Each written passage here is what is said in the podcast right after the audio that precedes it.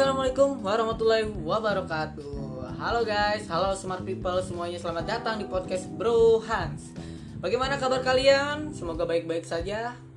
Ya, di podcast pertama kali gua Gua akan membahas mengenai tren motor Vespa klasik di tahun 2020 Ya, sebelum lebih lanjut, perkenalkan nama gua Muhammad Farhan dan gue berkuliah di suatu universitas swasta yaitu Universitas Budi Luhur. Bagi kalian yang tidak tahu Universitas Budi Luhur, Universitas Budi Luhur itu terletak di Petukangan, Jakarta Selatan. Kalau orang Tangerang bilangnya Batas.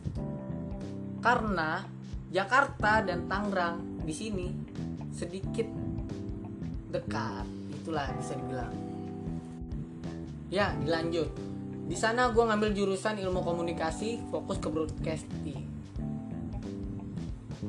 Untuk menggali lebih lanjut masalah tentang tren motor Vespa di klasik di tahun 2020, terima kasih kepada kalian yang telah bergabung di podcast gue hari ini. Langsung saja kita bahas semua yang gue tahu. Check it out. Siapa sih yang nggak kenal Vespa sekarang kan? Dari semua kaum pasti tahu Vespa. Dari anak-anak dari anak remaja sampai orang tua pasti tahu Vespa. Tapi kali ini gue membahas Vespa klasik. Banyak sekali orang yang menggemari Vespa klasik ini. Dari kalangan anak muda zaman sekarang sampai orang tua. Adapun komunitas-komunitas Vespa yang dapat ditemukan seperti di daerah gua di Ciledug, tepatnya kota Tangerang, banyak sekali yang berminat untuk membeli sepeda motor ini karena model motor tersebut unik dan klasik. Dari dalam sampai luar, terbuat dari besi, tidak plastik. Dan bahkan sudah banyak juga bengkel-bengkel yang melayani motor-motor tahun tua seperti Vespa PX, Vespa PS, sampai Vespa PTS. Dan masih banyak lagi. Mungkin sebagian orang mengira bahwa motor seperti ini sudah tidak layak karena tidak sekencang motor zaman sekarang yang bisa kita lihat iklan-iklan. Untuk kalian jangan salah, motor ini mempunyai keunikan tersendiri loh.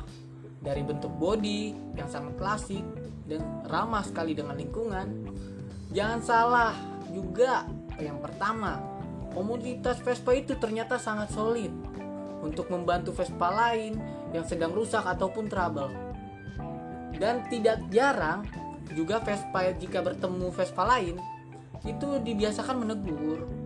Karena menurut gua sebagai yang pemilik Vespa makna dari dulu yaitu satu Vespa sejuta saudara. Gue di sini bukan hanya memiliki Vespa saja ya tapi gue juga ikut serta dalam komunitas-komunitas seperti di kampus. Gue itu ya namanya KSBL lah. Arti kata KSBL itu komunitas skuter budi luhur bukan sampai situ saja loh gue juga pernah menjadi ketua skuter pelajar Ciledug jadi di sini gue mengumpulkan para pelajar yang bersekolah di daerah Tangerang jadi hobi kita sama gitu kalau kalian ingin tahu tentang gua atau Vespa, kalian bisa follow Instagram gua di Farhan Chaniago. Oke, kita lanjut. Di Vespa ini tak hanya menawarkan ketertarikan pada model, menurut gua, Vespa tua juga sangat cocok untuk semua kalangan, yaitu dari kalangan muda maupun tua. Biasanya motor Vespa ini dipakai untuk santai, seperti kopdar, nongkrong, dan touring. Karena bentuknya yang unik dan ramah lingkungan, sering juga dipakai untuk pameran event. Karena motor Vespa ini sangat bermacam-macam tipe yang ada di Indonesia. Dari yang paling langka sampai yang paling sulit untuk mendapatkannya. Oke, Rohan semuanya mengucapkan mundur, mengundurkan diri. Semoga Anda semua senang. Mohon maaf bila banyak salah kata yang gue ucapkan. Harap maklum, karena ini podcast pertama kali gue.